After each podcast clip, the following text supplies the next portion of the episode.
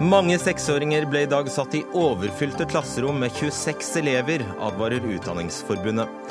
Men tallene viser at det har blitt mange hundre nye lærere, så hvor gjemmer alle lærerne seg? 5000 kroner for å redusere ett tonn CO2. Det er hva elbilene koster den norske staten i avgiftsfritak. Ikke nok valuta for pengene, mener SSB-forsker. Den såkalte jernbanealliansen er egentlig en østlandsallianse, raser togforkjempere omtrent alle andre steder enn på Østlandet. Og Norge har ikke vært dårligere i sommeridrett på 50 år. Og Olympiatoppens budsjetter har aldri vært større. Klarer vi lirke en flik av selvkritikk ut av toppidrettssjefen?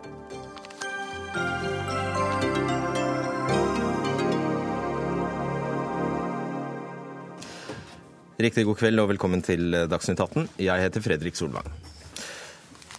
Ja, I dag eh, var det sikkert eh, mange som skvatt av eh, nyheten om at førsteklassingene som begynte på skolen i dag, havner i klasser med over 26 elever. Det var Aftenposten som viderebrakte en undersøkelse fra Utdanningsforbundet som viser at mange rektorer i de største byene planlegger å stue barna sammen i kjempeklasser. Steffen Handal, du er leder i Utdanningsforbundet. Hva mener du denne undersøkelsen dere har fått utført viser?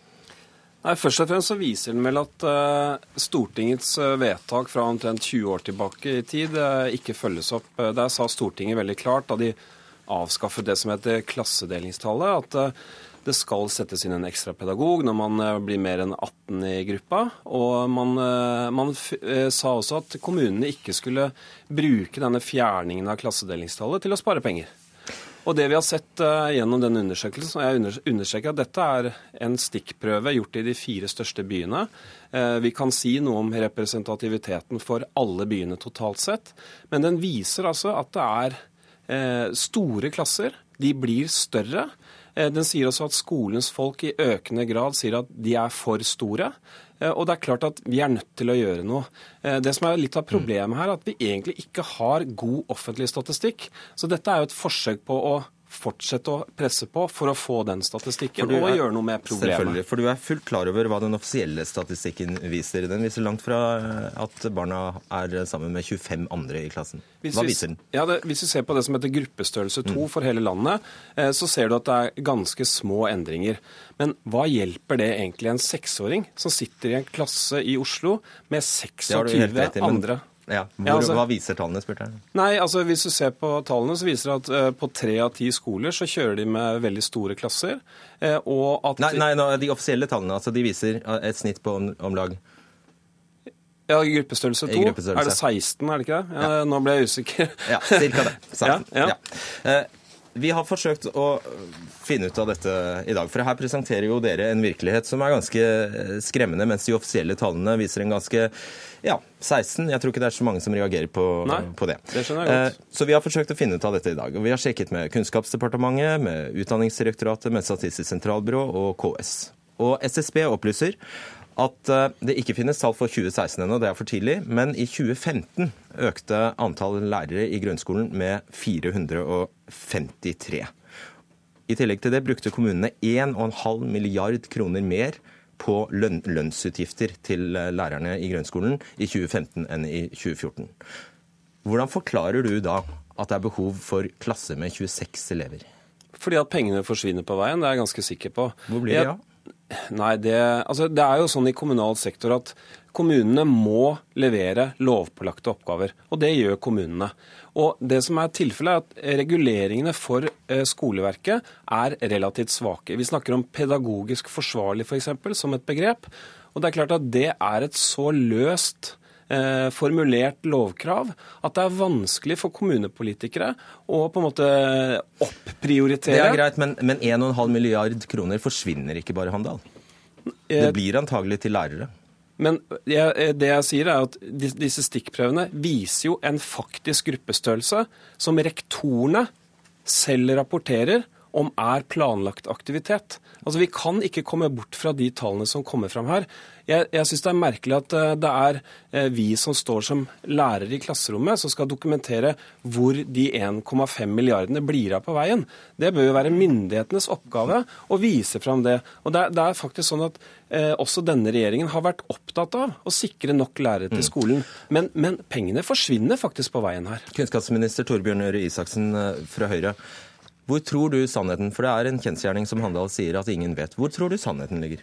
Det er jo ikke sånn at ingen vet. Eh, det vi, Basert på de tallene vi har, som da riktignok ikke er klassestørrelse, men det er gruppestørrelse. Altså hvor mange elever er det på skolen, og hvor mange lærere er det på skolen, og hvordan er forholdstallet dem imellom, så tyder eh, alt på at nasjonalt så er det omtrent lik gruppestørrelse også for de minste elevene i dag som det var for 10 år siden, 15 år siden. Det er det ene. Men det andre er hvis man ser på de samme tallene, så er det riktig som Utdanningsforbundet også har fått bekreftet i denne undersøkelsen, at i Oslo og Stavanger, byer som har hatt veldig stor tilflytting, så har klassestørrelsene økt noe. Mm. Men så er det, én ting som er For Oslo er det da snakk om ca. 20 elever? Der, der er det rundt, rundt 20. Men, men det som er litt viktig å få fram, det er at det er nok kanskje mange som tenker oss tilbake på sin egen skoletid, at betyr det at det var sånn som det var før? da, At du har én klasse, og så har du alltid én lærer inne. Det gjør det ikke nødvendigvis. Jeg var jo selv sammen med statsministeren på den skolen som er i Aftenposten i dag, og spurte rektor er det sånn at dere har 26 elever, og så er det én lærer, og så er det ferdig med det. Nei, for de har da ofte ekstra lærerressurser inne. Noen ganger deler de klassen. De, de, de har eh, kanskje mindre grupper med elever som de jobber med. Og Det gjør at jeg syns man skal være litt forsiktig med å eh, Helt greit å ha en diskusjon om hva vi skal bruke ekstra penger på i skolen, men jeg syns man skal være veldig forsiktig med å si at dette er uforsvarlig eller noe sånt. Rett og slett fordi at eh, det er lite som tyder på at det stemmer. Selv om det kanskje kan forekomme, det kan jeg ikke garantere. Men det er lite som tyder på at det er fasiten. Ja, ta det, Handal. Denne undersøkelsen svarer ikke på det aller viktigste spørsmålet. Hvor mange lærere er det i disse klassene? Jo, det gjør det. det Nei, det, det gjør den ikke. Jo, det gjør det. Og... Nei, det gjør den ikke.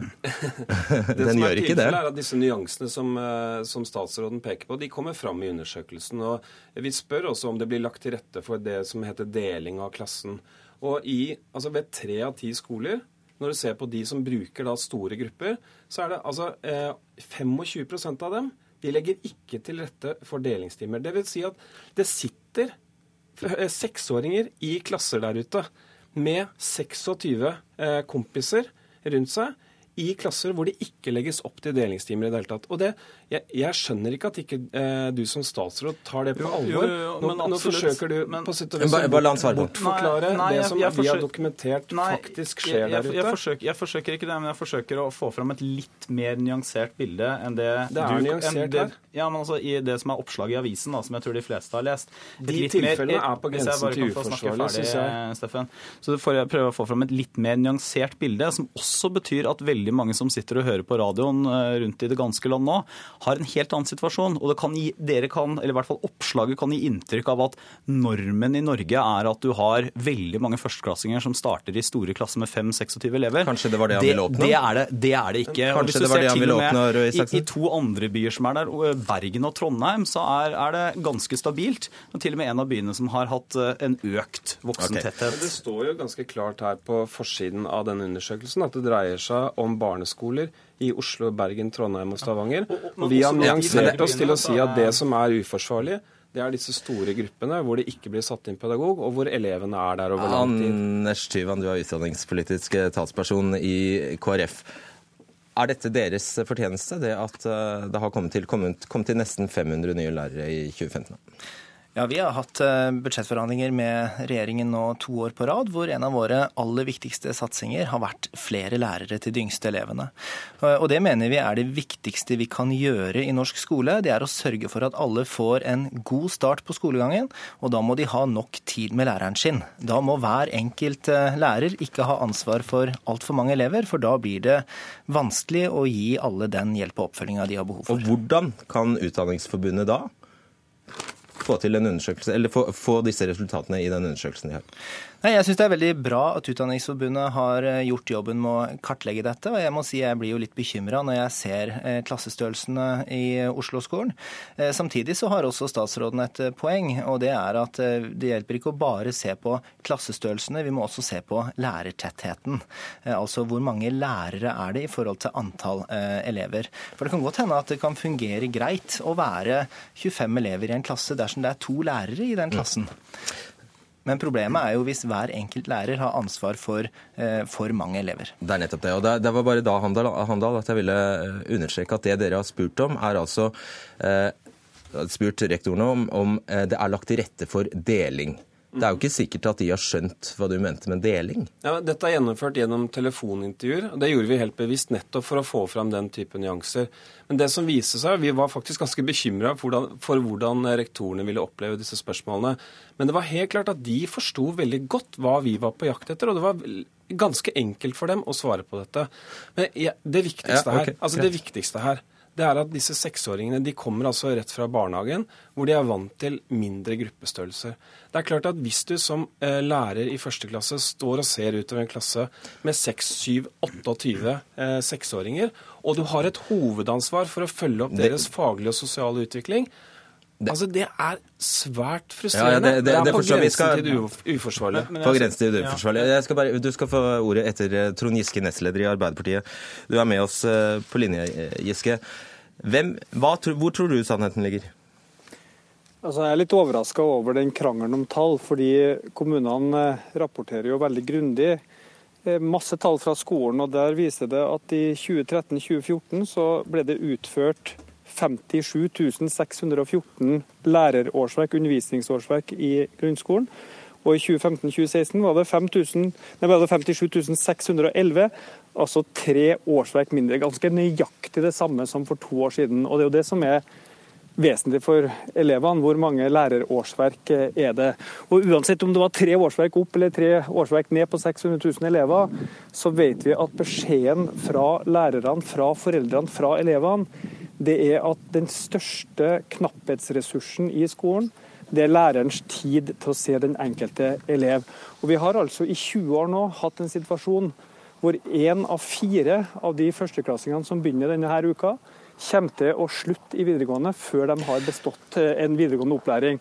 Og Da trenger vi ikke å diskutere om det er noen få titalls eller hundretalls årsverk opp eller ned. Vi må ha en helt annen innsats eh, inn mot de yngste barna. og her har Arbeiderpartiet faktisk snudd. Vi har vært skeptiske til å ha en nasjonal norm, men vi tror det er nødvendig å få på plass en nasjonal norm om hvor store disse gruppene skal være. Og, og bare spesifisere, Giske, hva, hva mener du med nasjonal norm? På kommunenivå eller skolenivå?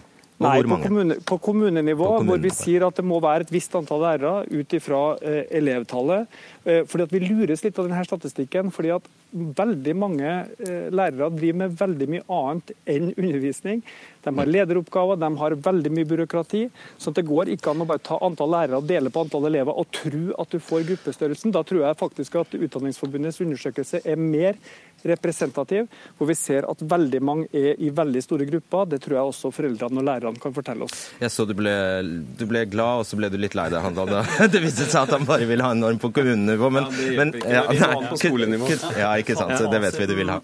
Fasiten i denne perioden så langt er jo, som, som, Anders fra Kristelig Folkeparti sier her, det at vi har blitt enige med KrF og Venstre om midler til minst 1000 nye lærerstillinger, øremerka første til fjerde klasse. Forrige regjering, rød-grønne, prioriterte ungdomsskolen og hadde færre stillinger også enn det vi har fått i denne perioden.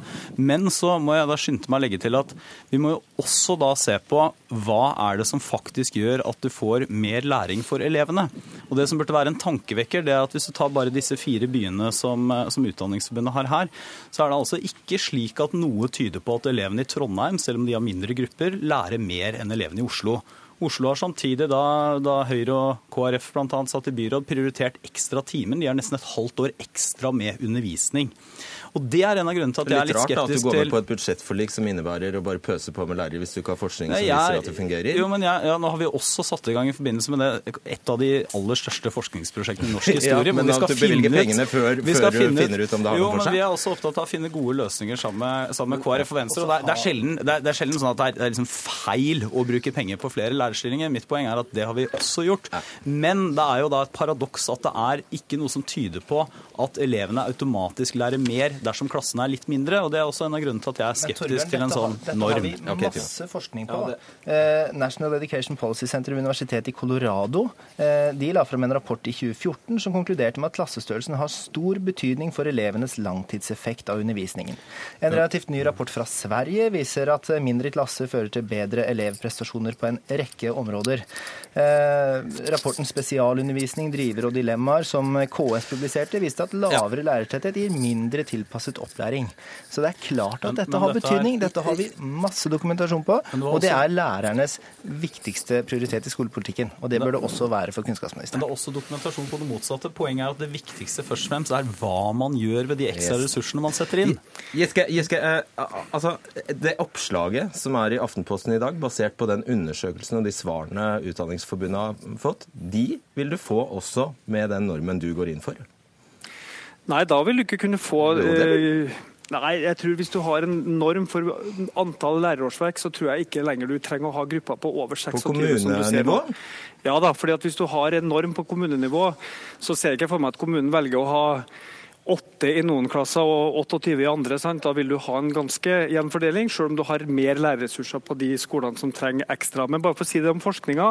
Grunnen til at mindre klasser ikke slår ut på en del forskning, er at man har sammenligna skoler med små og store grupper som driver likedan undervisning.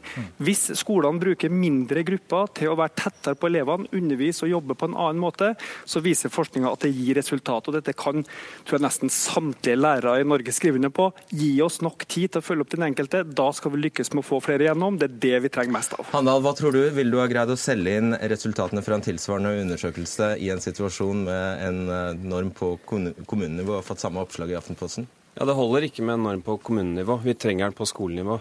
Men, men det, Nei, bare forklar det, sånn at folk forstår. Ja, altså, Hvorfor? Det, det, det dette handler om, er jo å regulere ressursene til skolen.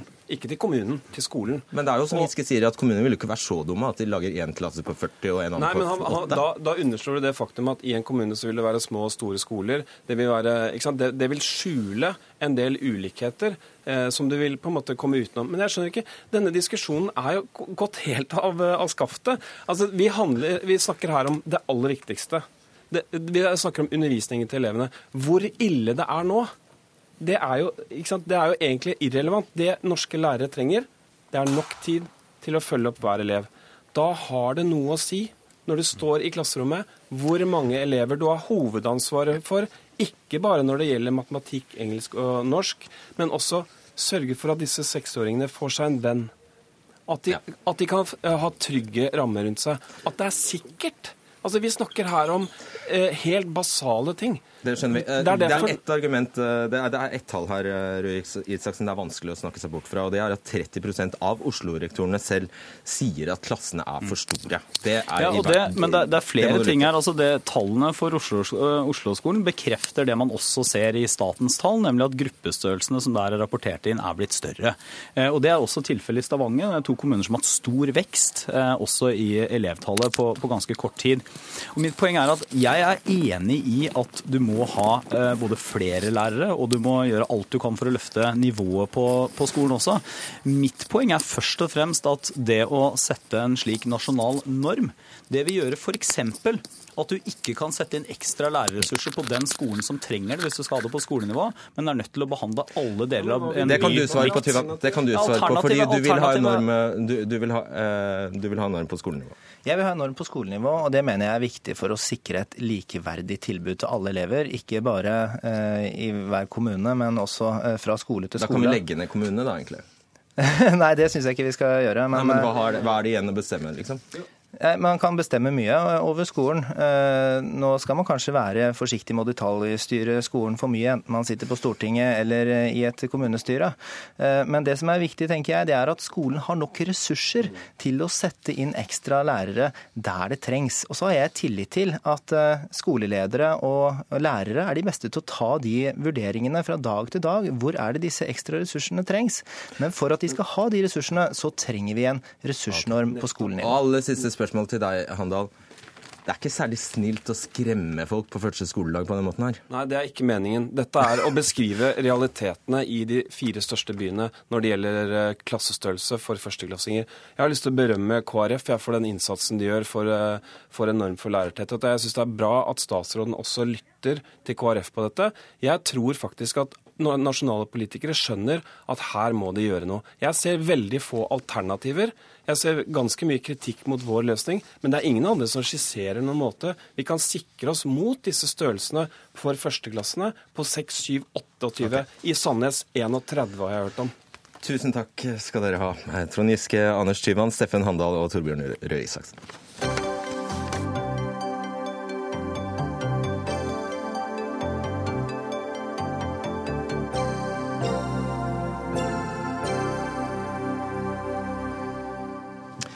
Vi har blitt en elbilnasjon. Takket være avgiftsfritak, ingen bompenger og elbilfelt ruller det nå over 80 000 elbiler på norske veier. Men det er ikke gratis. I Norge sparer du i snitt 280 000 kroner i avgifter på elbil, sammenlignet med en bensin- eller dieselbil. Elbilene koster den norske stat 5000 kroner for hvert tonn CO2 vi kutter. Geir Bjertnæs, du er eh, forsker ved Statistisk sentralbyrå og eh, har en kronikk i eh, Dagens Næringsliv. Disse tallene kommer for så vidt eh, fra deg. Kan du forklare oss hvorfor du mener denne prisen, altså på 5000 kroner per kuttet CO2-tonn, ikke eh, står seg i forhold til eh, samfunnsnytten, samfunnskostnaden? Ja, eh, De 5000 kronene det er kostnadene ved, ved elbilpolitikken per tonn reduksjon. Og så forsøker jeg å sammenligne med gevinstene.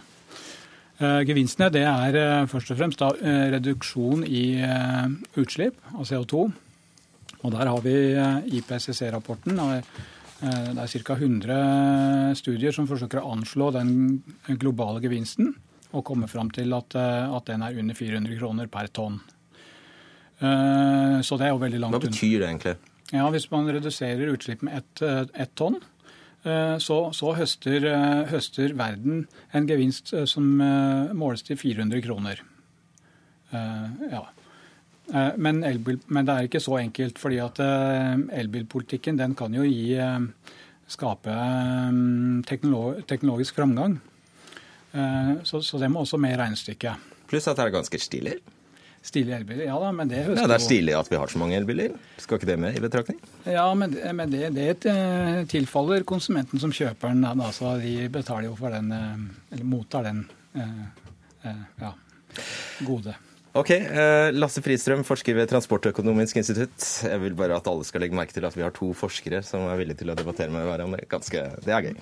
5000 kroner for å redusere ett tonn eh, CO2 når altså en klimakvote koster en 50-lapp. Da er dette et svært ineffektivt virkemiddel. Nei. Hovedfeilen i Geir Bjertnæs' resonnement er at han snakker som om disse 5000 kronene er en samfunnsøkonomisk kostnad. Men det er bare en omfordeling over statsbudsjettet. Og Vi lærer i første semester på samfunnsøkonomistudiet at skatter og avgifter ikke er det samme som samfunnsøkonomiske kostnader.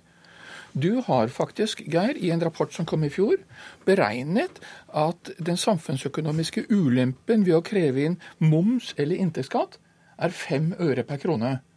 Altså en tyvendedel av selve beløpet. Og det reduserer dine 5000 kroner til 250 i samfunnsøkonomisk kostnad. Ok, Jeg skjønte nesten ingenting, men svar på det. Eh, nei, altså, eh, altså det, det, som Lasse sier her, det er ikke, ikke tilfellet. Altså, hvis man skal forsøke å, eh, å, å, anslå en kostnad eh, forbundet ved en avgift, eh, da, da, lærer vi eh, Da har vi lært liksom, i 100 år med økonomifaget at man skal sette avgiften på miljøgode. Det skal settes lik den marginale skaden. Og hvorfor det? Jo, fordi at kostnaden ved avgiften den skal nettopp være lik den gevinsten vi kan høste. Ok, Jeg avbryter. Jeg avbryter. Dette, vi kan ikke fortsette det sporet. Men eh, OK. Eh, la oss si det. Altså, alle vet at for at Norge skal kutte sine klimagassutslipp, så har vi ikke så mange steder å gjøre det på. Og transportsektoren er av de, et av de få stedene vi kan gjøre det på. Og da er det egentlig snakk om de bilene som ruller på de veiene. Så hvis du ikke skal kutte utslippene fra bilene, Hvor kan du gjøre det like eller billigere? Mm. Ja, Norge skal jo slutte seg til EUs klimapolitikk, også for det såkalte ikke-ETS-sektoren, som omfatter transport. da. Transport ikke kvotepliktig sektor. Riktig. Uh, og der, uh, men det, uh, i, den, i, den, sektoren så legges det opp til økt fleksibilitet, og det er at land kan handle utslippsrett. Så du vil kjøpe deg ut av problemet ved å kjøpe kvoter fra andre land? Ja, det vil koste mye mindre for å gjøre det. Riktig. Det er sant, det, Fridstrøm? Riktig. Norge kan kjøpe kvoter i EUs kvotehandelssystem for to milliarder kroner per år, og dermed nøytralisere hele vårt klimagassutslipp. Ikke bare på transportsektoren. Det er rasende billig å kjøpe kvoter i, i kvotesystemet. Men politikerne i Norge har faktisk bestemt at vi skal ta en stor del av kuttene hjemme og i ikke-kvotepliktig sektor. Selvpisking. Hva? En slags selvpisking? Altså. Ja, det, det er jeg ikke enig i. Det geniale med eh, elektrifisering av bilparken er nemlig at du flytter bilkjøring inn i kvotepliktig sektor. Bilkjøring er i dag, eller transport generelt, er ikke omfattet av kvotesystemet, men strøm fra kraftverk, uansett om det er kullkraftverk eller vannkraftverk eller oljekraftverk, er kvoteregulert okay. i hele EØS-området. La oss ta et av de momentene som, eller et av de mest brukte argumentene for denne svært, svært sjenerøse subsidiepolitikken, nemlig at det har overføringsverdi til eh, resten av verden. Det at vi her i landet har 80 000 elbiler mot Tysklands 30 000, det sier man kan skape et såkalt eh, overgangsmarked. Altså som kan hjelpe til å, å akselerere den globale omleggingen av eh, bilparken. Heller ikke det tror du på? Uh, nei, altså, uh, når, Da må vi forsøke å, å vurdere om, om, det er sånne at uh, salg av elbiler i Norge om det skaper teknologigevinster. Da kan vi først se på om, om, om litteraturen som forsøker å, å, å påvise såkalt learning by exporting. fordi at vi produserer jo ikke elbiler. Nei, vi bare kjøper dem. Ja, så Noen eksporterer til oss. Er det sånn at de uh, lærer noe, altså learning by exporting, litteraturen som har forsøkt å anslå, anslå sånne effekter for uh, generelt, de kommer fram til at det, sånne effekter ikke eksisterer. Hvorfor ikke? Um, det er et empirisk spørsmål. Og, og, og, konklusjonen der er at teknologien, ja, teknologiene overføres på andre måter. Ved direkte investeringer, og ja, andre kanaler. Men okay. altså ikke. Altså, ja. Her er det ikke så stor avstand mellom oss. Eh, vi skal ikke overdrive betydningen av at Norge har, har 10-15% av det globale markedet for elbiler. Og er størst på elbiler i Europa. Og kjøper like mange Teslaer som hele, eller, som hele USA, eller iallfall er nummer to etter USA.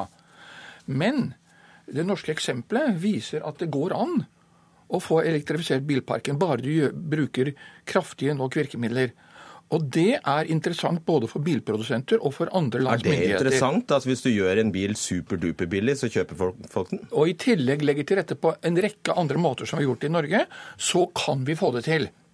Det vekker oppsikt i hele verden, og det er Der har det norske eksempelet en viss makt. Okay. Jeg vil også bare påpeke at, at, Norge det er et veldig lite marked, sett eh, globalt sett. Det tror jeg vi vet. ja, okay, så. så. hvis Kina starter med eh, elbiler for fullt, så vil det monne. Det gjør de nå. Og det er de i ferd med å gjøre. Jeg har bare et, et, siste spørsmål til deg, eh, Bjartnes. Altså, du skriver også at ulempene knyttet til luftforurensning og støy og ulykker og slitasje på infrastruktur er tilnærmet lik for elbiler som for bensin- og dieselbiler. Betyr det at du ikke mener at uh, NOx-utslippene som alle astmatikerne sliter sånn med, betyr noe? Eh, nei da, det er ikke det. Men altså bare, der, det, dette er et område jeg ikke har forska på. Men jeg bare henviser til en TØI-rapport som, som, nettopp bare gi, finner det resultatet. sånn at å bruke det argumentet for å, å, å rettferdiggjøre elbilpolitikken, det er ikke særlig godt. Her er vi omtrent enige. Altså, Utslipp til luft er én av fem viktige plager vi får fra biltrafikken. Og der er elbiler og bensinbiler omtrent likt. Men hvis jeg får si én ting til. Eh, hovedproblemet med hvordan økonomer gjerne argumenterer i klimadebatten, det er at de ikke skiller tydelig mellom samfunnsøkonomisk lønnsomhet og klimapolitisk effektivitet. Det er slik at hvis vi skal nå de utslippsmålene norske politikere har definert, så må det koste noe. Vi kan ikke gjøre dette bare ved hjelp av samfunnsøkonomisk lønnsomme tiltak. Og det å elektrifisere bilparken er antagelig det billigste vi kan gjøre, selv om prisen er høyere enn den prisen som ville gjelde dersom alle land i hele verden innførte en pris på karbon. Ok, Hvis du svarer kjemperaskt, så skal du få. Ja, Ifølge din egen eh, rapport Fristrøm, så, så anslår du at uh, ressurskostnaden ved å elektrifisere er 100 000 kroner per tonn i, i 2016. Ja. Og så skal det falle gradvis. Ja, men, så det er jo et veldig dyrt tiltak. Husk at bilene lever i 15-20 år. Så du må se fram minst til 2030, og gjerne til 2050, for å regne på det. Og da kommer vi til en kostnad mellom 350 og 1200 kroner per tonn. I beste fall er det null og under det, fordi vi sparer en masse energi ved å gå over til elbiler. Mm, da kan vi vente til da. Jeg tror vi skjønte deler av det, i hvert fall. Tusen takk skal dere ha, Geir Bjertnæs og Lasse Frisrød.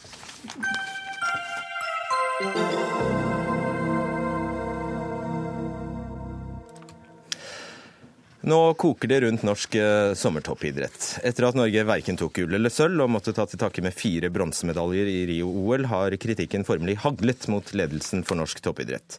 Dette er faktisk det dårligste sommer-OL for Norge siden 1964, da vi ikke fikk noen medaljer i det hele tatt. Samtidig stiger Olympiatoppens budsjett for hvert år. I år er bruttokostnadene beregnet til 172,2 millioner kroner. Så tendensen er ganske klar, Tore Øvrebø, toppidrettssjef i Olympiatoppen, som organiserer toppidretten i eh, Norges idrettsforbund.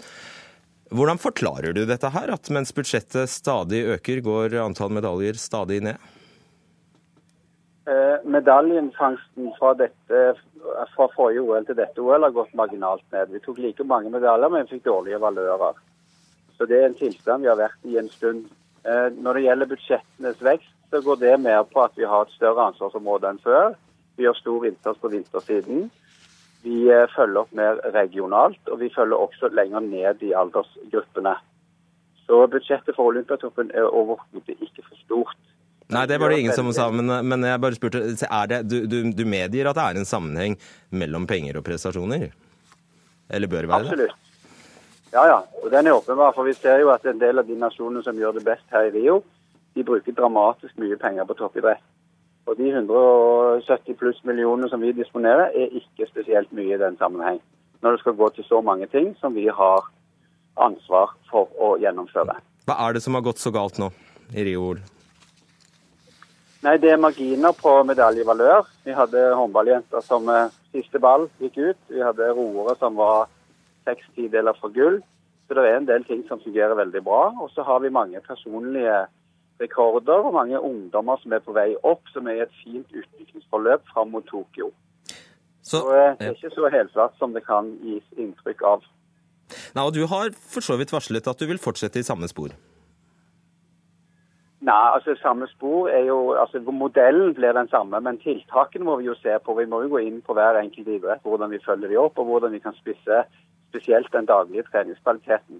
Men vi ser jo at det er en del små sommermiljøer som sliter veldig med økonomien, og at utøverne er rett og slett blakk. Vi hadde utøvere som ba om å få andre deler av stipendet utbetalt, for ellers ville de ikke kunne betale regningene sine mens de var i Rio. Så her er det mange som lever veldig marginale økonomiske liv, og det gir ikke optimale prestasjonsforutsetninger. Mm. Så Det er ikke sånn at uh, alt er rosenrødt, men det, vi trenger penger for å kunne gjøre dette på en ordentlig måte. Og mange av idrettene er veldig, veldig fattige, også sammenlignet med vinteridretten i Norge. Ja, Så har vi den kritikken som altså går på måten dere har organisert dere på. altså Dobbelt OL-mester og TV 2s ekspertkommentator eh, Andreas Torkelsen eh, har sagt eh, at Olympiatoppen står for en ad oppblåst administrasjon og e-postflytting, der for mye av pengene går til administrasjon og for lite til idretten. Hva sier du til det? Det er et synspunkt som Andreas kan stå fritt til å ha.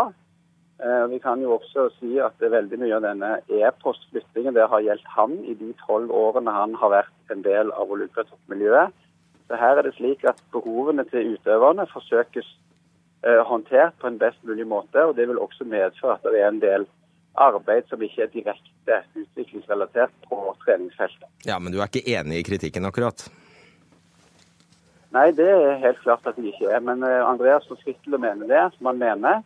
Men jeg mener jo han tar uh, feil på at det er med de ordene som han bruker om at vi har en administrasjon som skal organisere et ganske komplisert toppidrettsfelt uh, i Norge. Mm, han raljerer også om denne målsettingen dere angivelig skal ha satt dere 200 dager før OL, og hvilket han mente var fire år for seint. Er det sant, det? Ja, nå er det slik at Vi jobber med målsettinger hver dag. og Det er ikke sånn at den som vi offentliggjør som gjelder troppen 200 dager før, er den eneste målsettingen vi har. Vi er i full gang med målsettingene for Tokyo, og vi jobber med kategorisering av idrettene. Vi fordeler de etter hvilket nivå vi tror de kan være på om fire år, etter analyser av hver enkelt idrett. Og så fordeler vi ressurser og innsatsfaktorer etter det. Så vi er i en løpende målprosess. Andreas tar helt feil når han tror at den målsettingen som vi legger frem for troppen 200 dager før, at det er den eneste målsettingen vi opererer med. Dessuten så er det slik at hver enkelt idrett har sin egen målsetting, og hver enkelt utøver har sin målsetting igjen. Så Dette er et mye mer komplisert bilde enn det som det kan se ut til når vi offentliggjør troppens felles målsetting et par hundre dager før. Eh, litt kort, eh, er det én ting du angrer på? Nei, ikke direkte. Jeg kan ikke si det. Jeg føler at vi har, har planlagt dette her eh, godt sammen med idrettene. Og vi har, eh, vi har, jobbet godt gjennom mesterskapet. Så jeg kan ikke si at vi har noe direkte angre på, nei. Men det er jo gjerne sånn at vi skulle ønske at det var flere utøvere som, som lykkes. Så det vil alltid være enkeltfaktorer som vi kan avdekke når vi nå tar en grundig evaluering etterpå. Ikke sant. Etter Paralympics som, for, som, også er en del av vårt ansvarsområde. Og Der har vi en felles målsetting både for OL og Paralympics. Så dette løpet er ikke over for oss før Paralympics er avsluttet. Takk for at du var med oss faktisk fra Rio, Tore Øverbø. Kjetil Kroksæter, du er sportskommentator i Adresseavisen, befinner deg også i samme by. Du har sagt i egen avis at du er enig med Torkelsen, og da vi snakket med deg tidligere i dag, omtalte du situasjonen som en krise. Hva legger du i det? Jeg syns resultatene vi har oppnådd i Rio har vært uh, altfor dårlige. Uh, og det var de i London også. Uh, og da, da, hvis vi ser det i et lengre perspektiv, så presterer vi mye dårligere enn vi gjorde i Beijing, Aten og lenger bak. Og vi presterer mye dårligere enn eh, Sverige og Danmark, som det er naturlig å sammenligne oss med. Mm. Men generasjon Ja, unnskyld. ja. Altså, og, og Sverige og Danmark hadde fremgang fra forrige OL, fra London til nå, eh, og vi har egentlig tilbakegang. Ja, Men generasjonsskifte og prosesser som må få virke, sier da Øvrebø. Ja, altså generasjonsskifte var jo den eh, forklaringa de eh, brukte etter London-OL òg. Og hvor lenge skal vi bruke den unnskyldninga? For meg så blir det litt ansvarsfraskrivelse. Og det samme med økonomien. altså pengestrømmen inn til toppidretten øker. Men det gjør ikke resultatene. De blir ikke bedre. Og, og prioriteringene her er det jo Tore Brød sjøl som står for. Han som, som, prioriterer mellom sommer og vinter og ungdom og, og rekruttering osv. Så. Eh, så da må man kanskje se litt på det også. Ja, Hva syns du om det du hørte fra Øvrebø her? Ja, altså jeg, jeg, forstår jo det at han har behov for å forsvare det de har gjort. Og jeg skal være den første til å innrømme at vi har noen veldig gode toppidrettsmiljø i Norge. Altså, Håndballjentene presterer jo fantastisk. Eh, det er ikke noe utsatt på det de gjør. Og, og, og romiljøet, det lille romiljøet leverer jo stort sett eh, bra. Men ellers så er det ganske tynt da, rundt om i mange andre idretter. Uh, og friidrett har jo ligget i dvale ganske, ganske uh, lenge, hvis vi snakker om toppnivå. Mm, nå avviste han jo uh, ganske kontant denne kritikken fra Torkelsen om at de eneste målsettingene Olympiatroppen satte, var den de satte 200 dager før OL. men er det noe i den kritikken fra Torkelsen, mener du? Ja, altså Torkelsen kjenner jo det her ganske godt. og det, Han er jo ikke alene om å beskrive den situasjonen der. Altså, Eh, jeg vil jo si at det er et problem i hele norsk idrett at man bruker for mye penger på administrasjon, og det kommer for lite ned til der idretten produseres. Det gjelder Olympiatoppen, det gjelder særforbundene, og det gjelder også ned på kretsnivå. Og jeg kan jo trøste Øvrebø med at jeg syns Fotballforbundet er verre enn Olympiatoppen. Da. Når... Jeg vet ikke om jeg syns det var noe særlig til trøst. Til slutt, bør han gå av? Nei, altså Det syns ikke jeg. Tore Øvrebø er en meget uh, dyktig idrettsleder. En uh, Uh, den som kanskje kan mest om utholdenhetsidrett og har overtatt arven etter Per Sæterdal. Han har absolutt noe å tilføre norsk idrett, men jeg syns kanskje han kan justere sporet. Greit. Takk skal du ha, Kjetil Kroksæter.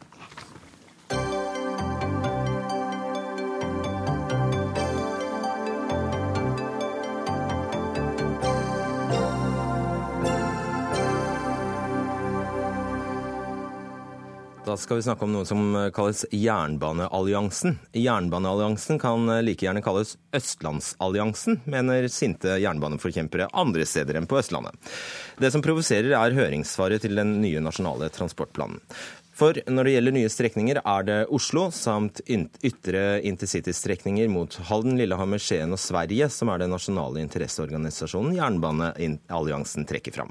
Og det irriterer ikke bare på Vestlandet. Fra Stavanger til Tromsø provoserer det at verken Bergensbanen, Trønderbanen, Jærbanen eller Ofotbanen er nevnt. Marit Wanke, du er administrerende direktør i Bergens eh, næring, Bergen næringsråd. Eh, denne høringsuttalelsen til alliansen har skapt avisoverskrifter i Bergen den siste tiden. Hva er det dere reagerer sånn på? Klart at Her er det ti store nasjonale organisasjoner som går sammen og leverer en høringsuttalelse med klare prioriteringer. Og eh, For oss er det jo helt utrolig at man kan da levere inn en hør, et høringsuttalelse som ikke nevner noen andre store nasjonale prosjekter. Nå har jeg jo hørt det at uh, man sier man er ikke imot Bergensbanen, men det å ikke være imot betyr ikke at man vil kjempe for noe. Nei, nettopp. Og da skal vi bare legge til, altså, eh, Denne jernbanealliansen består da av eh, landsdekkende organisasjoner innenfor arbeidsliv, miljø, trafikksikkerhet, bl.a. LO, NHO og Naturvernforbundet, der du til daglig jobber, eh, Holger Slautspitz. Du er styreleder i Jernbanealliansen. Hva sier du til det som kommer fra Warnke? Ja, Først må jeg understreke at uh, vårt høringsinnspill er jo et overordna innspill som uh, er basert på konsensus mellom disse organisasjonene som uh, står bak Jernbanealliansen. Og, Desto verre kanskje for Warnke og EDCO? Nei, altså det som er viktig her er å huske på at vi har ikke gått i dybden på alle prosjekter. Vi har valgt ut noen ting som vi har valgt å ha søkelyset på. Men vi har aldri brukt tid på å jobbe mot noen jernbaneprosjekter. Og det er ikke vår jobb. Vi skal jobbe for mer penger til tog. Og vi legger til grunn det forslaget som uh, har kommet om Nasjonal transportplan, der bl.a. Uh, jernbanen mellom Voss og Bergen har fått ganske høy prioritet. Vi legger det til grunn. Og I tillegg så har vi pekt på noe som vi mener må få ekstra midler utover det. Og Øverst på den lista så ligger faktisk godstrafikken, med Bergensbanen, Sørlandsbanen, Dovrebanen og Nordlandsbanen som eh, de viktigste okay. banene. Så dette er en, Vår prioritering har en ganske tydelig distrikts- og nasjonal profil. Marke. Nei, altså igjen, Det står veldig tydelig i denne høringsuttalelsen at her er Jernbanealliansens hoved prioriteringer. Og jeg må jo si at dette her, altså Når du leser dette dokumentet, her, så vitner det om en total mangel på forståelse av hva som skjer utenfor Oslo-regionen. Og For ikke å snakke om en total tilsidesettelse av de store regionskontorene som bl.a. Eh, NHO og LO. Men nå tror jeg ikke du hører hva han faktisk ja. sier. Jo, jeg hører hva han sier, at det ligger. Men altså, det er noe med at man leser en høringsuttalelse med prioriteringer der faktisk eh, bl.a blant Bergensbanen da overhodet ikke er nevnt. Her okay, snakker ja. vi om altså eh, vei, bane mellom Norges to største byer, kanskje den mest ulykkesutsatte traseen vi har i, i Norge. Og det er jo klart at dette er provoserende å, å se denne høringsuttalelsen. Og hvis den faktisk ikke er ment som en prioritering, så, så vil jeg nesten forvente at både LO og NHO nå gikk ut og tok offentlig faktisk trakk tilbake denne uttalelsen. Det må jeg svare litt på. Det skal du få svare litt på. Ja, altså Nå har jo vi prøvd å presisere det her både i mediene, i Bergens Tidende og lokalaviser, NRK Hordaland og også nå på Dagsnytt 18 på nasjonale nyheter, at eh, vi legger til grunn den satsinga som er foreslått for Vossebanen av transportetatene. Og Da er det litt vanskelig å skjønne at dere absolutt vil ha det til at vi er imot. Gagner det egentlig deres sak? Nei, vi, jo, vi også... sier ikke at dere har sagt at dere er imot, men det er forskjell på å prioritere noe og på å være imot noe. Og på et direkte spørsmål Nå sitter jeg med en Twitter-svar fra Slowpitz foran meg her, der han ble spurt hvorfor ikke Bergensbanen er nevnt. Og da er svaret da måtte vi nevnt alt det andre også. Nærbø, Sande, Spikkestadbanen, Østre linje osv. Altså til opplysning så er Spikkestadbanen 14 km ensporet lokallinje mellom Asker og Røyken. Og det, altså, det sier jo noe med nivået okay. på, på, denne debatten. Ja. Det er to, ja, eh, to, sekunder. Jeg skal bare ha en Morten Miksvold. Du er leder for Forum for den nye Bergensbanen, som altså har eh, som mål å få redusert eh, reisetiden fra Oslo til Bergen ned til fire timer. Du er også arg og fornærmet, eh, Myksvold. Men det er jo sant, som Slagpitz sier, at de har ikke sagt nei til Vossebanen. Men de har ikke sagt ja heller. Eh, det de sier, er at de vil prioritere vedlikehold på Bergensbanen. Samtidig så vil de gjøre Ringeriksbanen dårligere for person, persontransport og øke reisetiden på den, uh, uten at uh, det gir noen mening i det hele tatt. De sier at det handler om godstrafikk. Jeg vil like å se LO og NHO argumentere for godstrafikk gjennom Oslo sentrum, uh, for det er det det forslaget til Jernbanealliansen faktisk går ut på. Det skjønte ikke vi andre. Hva mente du med det? De foreslår å bruke Ringeriksbanen som godstunnel. De mener det er feil å bruke den bare som persontransport. Eh, hvis en har et kart over Østlandet foran seg, så vet en at hvis en skal fra Alna mot Bergen, så kan en kjøre over Roa. Hvis en skal fra Drammen til Bergen, så kan en kjøre via Hokksund. En trenger ikke via Sandvika eller Oslo sentrum eh, for å komme dit. Så det er en misforstått eh, godsstrategi som, som ligger til grunn her. Og, og det gjelder òg helt til Bergen. For en kan ikke si at en satser på godstransport, og så skal en flikke på godsskinnet og, og togskinnet fra 1883, eh, som går i 35 km i timen. Det er kapasitetsproblem som er det store problemet ja, her. Og da må en bygge Arna-Voss, og da må en si at en vil bygge Arna-Voss, eller så skjer det ikke. Slapp inn. Altså Først vanke med, med at vi er utydelige. altså Jernbanealliansen består av disse ti organisasjonene, og flere av disse organisasjonene har helt klart skrevet at de ønsker satsinga på Vossebanen i sine høringsuttalelser. Og Da blir det veldig rart hvis dere da tenker at den alliansen ikke ønsker det, når den har store organisasjoner som har tatt til orde for Så alliansen viser til ti sprikende høringsuttalelser? Det var litt av en allianse? Nei, altså vi har ikke som, altså Nå blir vi kritisert for å ikke gå i dybden på alle prosjekter. og Det har vi valgt å ikke gjøre, men vi legger til grunn det forslaget som Vegvesenet, Jernbaneverket og sånn har kommet på bordet med som en nasjonal transportplan. Og så ønsker vi noe mer i tillegg, og da ønsker vi godssatsing som førsteprioritet. Men godssatsing er ja. satsa høyt på i Nasjonal transportplan, men dere gjør godssatsingen dårligere. Samtidig så prioriterer dere jernbane til Skien, Halden og Lillehammer foran viktige prosjekt eh, mot vest. Nei, det har det vi aldri sagt at vi skal. Nå må jeg bare ta det resonnementet veldig kort. Når det gjelder gods, så er det mye som må til for å fikse godstrafikk på bane. Det er det stor politisk enighet om. Det er viktig for miljøet, det er viktig for trafikksikkerhet og næringsliv. Og vi trenger terminalsatsing. Vi trenger noen nye utbyggingsprosjekter, det være seg Vossebanen, dobbeltspor, intercity, og det være seg kryssingsspor og masse forbedringer på hovedbanene. Det er mye som skal skje mellom Voss og Hønefoss på Bergensbanen også, som vi jobber for. Det samme gjelder Dovrebanen. Og Intercity, som vi også trekker fram, det er et prosjekt som er vedtatt i inneværende Nasjonal transportplan. At det prosjektet nå kanskje flyr ut av transportplanen, som er viktig også for hele landet. På samme måten som Ringeriksbanen er viktig for Bergen, så er Intercity til Lillehammer viktig for Nord-Norge, Trøndelag, Møre og Romsdal, som også sliter med et dårlig banenett.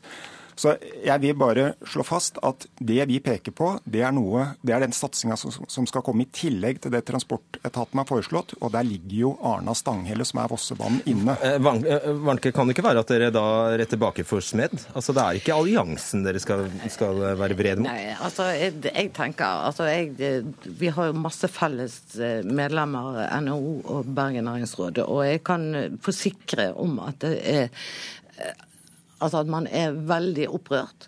Ja, Men alliansen har ikke noe makt, ja, er, er poenget Nei, den har ikke noe makt, men hvorfor i alle dager, altså hvis, hvis det, det man skriver i et høringsuttalelse og kaller sine hovedprioriteringer, faktisk ikke er der, så forstår jeg ikke hvorfor man i det hele tatt sender inn noen høringsuttalelse. Altså det, det er jo hele vitsen med å, å gi en høringsuttalelse. Ja, Det var også mitt poeng, Slagpitz. Hvis det skal være hvis det, Du må vise til ti forskjellige uttalelser for at det skal gi mening.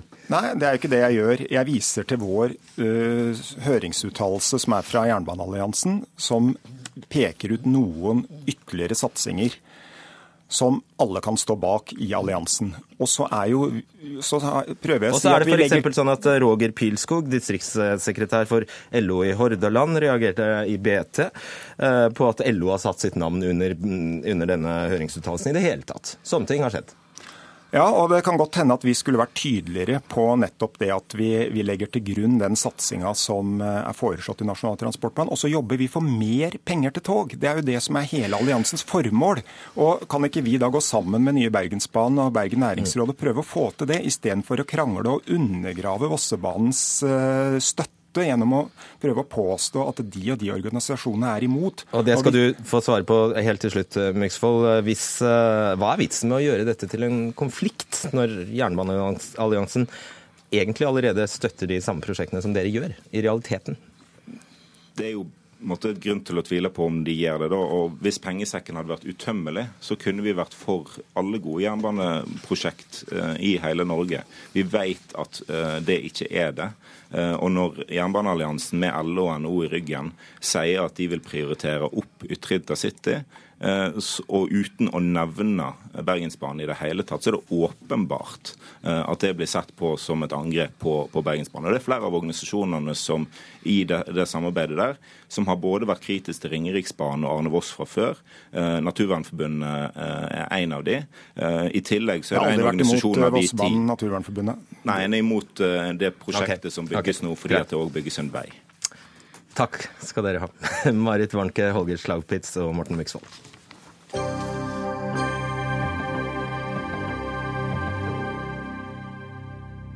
I disse dager får 2000 førsteklassinger i fire bydeler i Oslo tilbud om gratis kjernetid i det som i Oslo kalles aktivitetsskolen, men som eh, alle andre steder kalles SFO.